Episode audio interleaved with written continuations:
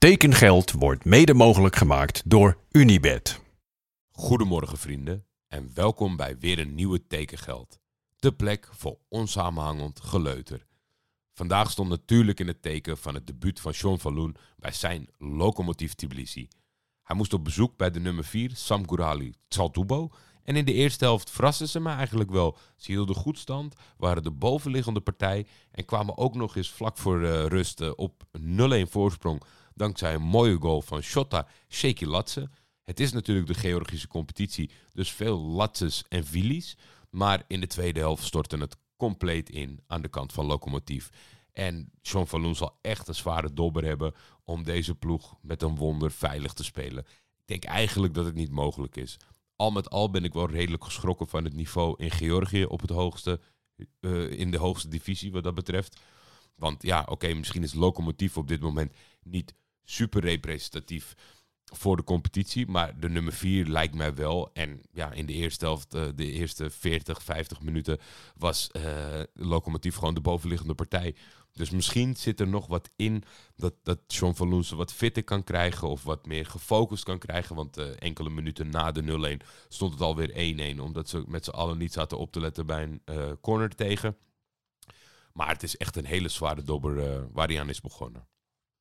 Op transferniveau is er niet zo heel veel gebeurd vandaag. Gisteren hebben we het natuurlijk uitgebreid gehad over de aanstaande komst van Luc de Jong. Die is vandaag dan ook door PSV uh, uh, bekendgemaakt.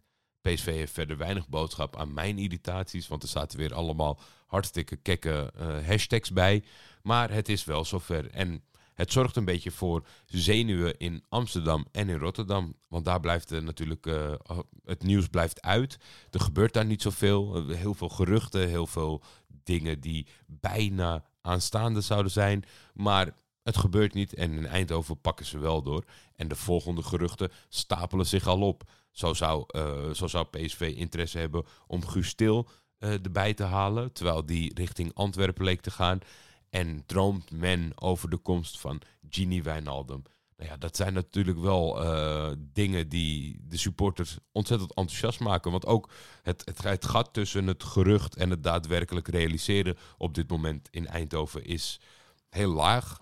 Je zou kunnen zeggen dat het, het, het lijkt een beetje alsof PSV voor de titel gaat. Zoals je als je gedegradeerd bent, dat je in één jaar terug moet komen vanuit de KKD om, uh, om de schade te beperken. Dat zij nu op die manier richting een titel gaan met misschien wat extra risico's.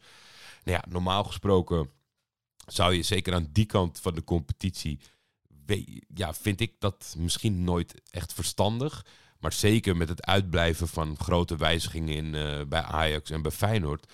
Ja, waarom niet? Dan Matthias Verret, de Belg verhuilt FC Eindhoven voor Willem II. In Tilburg hebben ze zo meerdere opties op het middenveld. De speler in kwestie heeft diverse jeugdelftallen gerepresenteerd voor België. Eigenlijk tot aan de onder 21 was hij er altijd wel bij. Heeft de jeugdopleiding doorlopen van PSV in een later stadium. Gespeeld voor SK Beveren, Kolding IF. En afgelopen seizoenen dus, uh, nee, afgelopen seizoen eigenlijk bij FC Eindhoven. En lijkt mij een goede, breedte aankoop voor Willem II. En misschien zit er wel meer in het verschiet. Dan Christian Conte.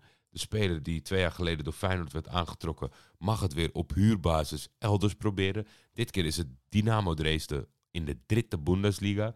Conte was afgelopen seizoen verhuurd aan Dordrecht. Maakte daarna een stroeve start uiteindelijk een goede indruk. Ja, ik vind dat toch wel moeilijk. Is Dynamo Dresden het derde niveau van Duitsland dan heel veel sterker dan Dordrecht?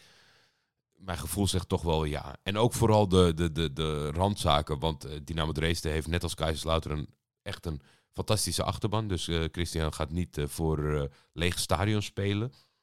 En ik denk dat het ja, misschien wel een finale poging is van Feyenoord om hem een beetje te testen. Zegt het dan dat als hij het goed doet bij Dynamo, dat hij klaar zou zijn voor Feyenoord? Dat vind ik wel weer een grote stap. Dus dat, dat laag wegzetten van de spelers snap ik niet altijd helemaal. Ten dat zij, zij niet direct op zoek zijn naar um, een, versterking voor het eerste elftal. Of dat ze meer toekomst in deze jongen zien. Maar hij is toch ook al 22. Dus ja, ik zou het zo moeilijk vinden. Waarom zou je hier aan, aan meewerken? Ja, ik zou er wel aan meewerken in de zin van dat je wil dat je speler, als je die nog niet voor het eerste elftal ziet, dat hij ook uh, daadwerkelijk elders speelminuten maakt en zich ontwikkelt. Maar een 22-jarige speler en dan op de derde Bundesliga niveau.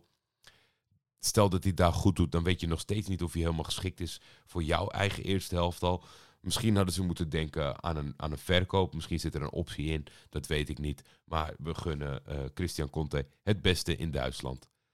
Michael Verrips. Nou ja, daar zal ik misschien het een en ander aan, uh, aan, aan extra informatie zal mij daar dan ontbreken. Afgelopen seizoen gehuurd door Fortuna Sittard van Sheffield United. Daarna aangetrokken door Fortuna Sittard om nu door te verhuren naar FC Groningen. Ja, ik weet het niet. Uh, het, het, het, klinkt niet helemaal logisch. Waarvoor zou uh, Fortuna deze speler vastleggen om hem daarna door te stoten naar een ploeg die eigenlijk hoger staat aangeschreven?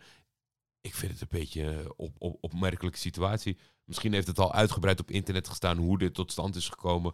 Of kan Wouter of Thijs mij uh, van alles en nog wat vertellen hoe dit tot stand is gekomen met betrekking tot uh, het Groningen avontuur. Maar ik snap gewoon van de zaken die zonder context uh, op te zoeken zijn, snap ik er heel weinig van. En dan tot slot alweer de laatste binnen het profniveau. Twan Visser, de geboren Maastrichtenaar, die verhoudt MVV Maastricht voor KVK Beringen.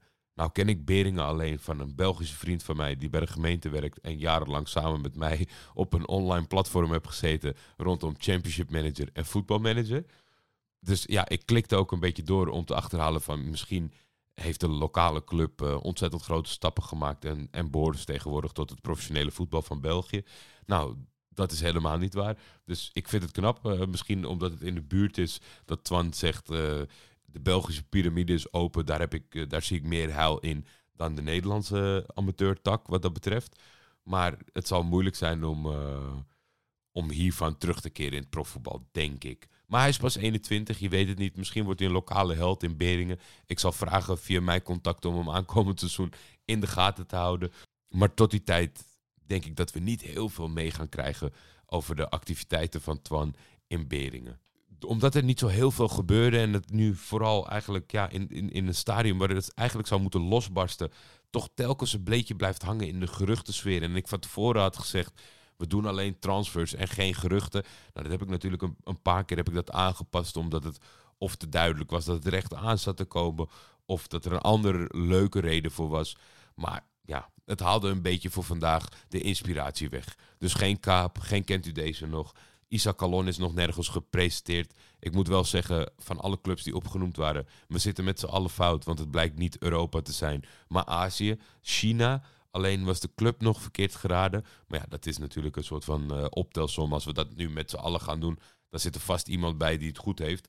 Als je maar goed oplet op de mensen. Dus dat laten we ook maar voor even, totdat hij gepresenteerd wordt uh, in China.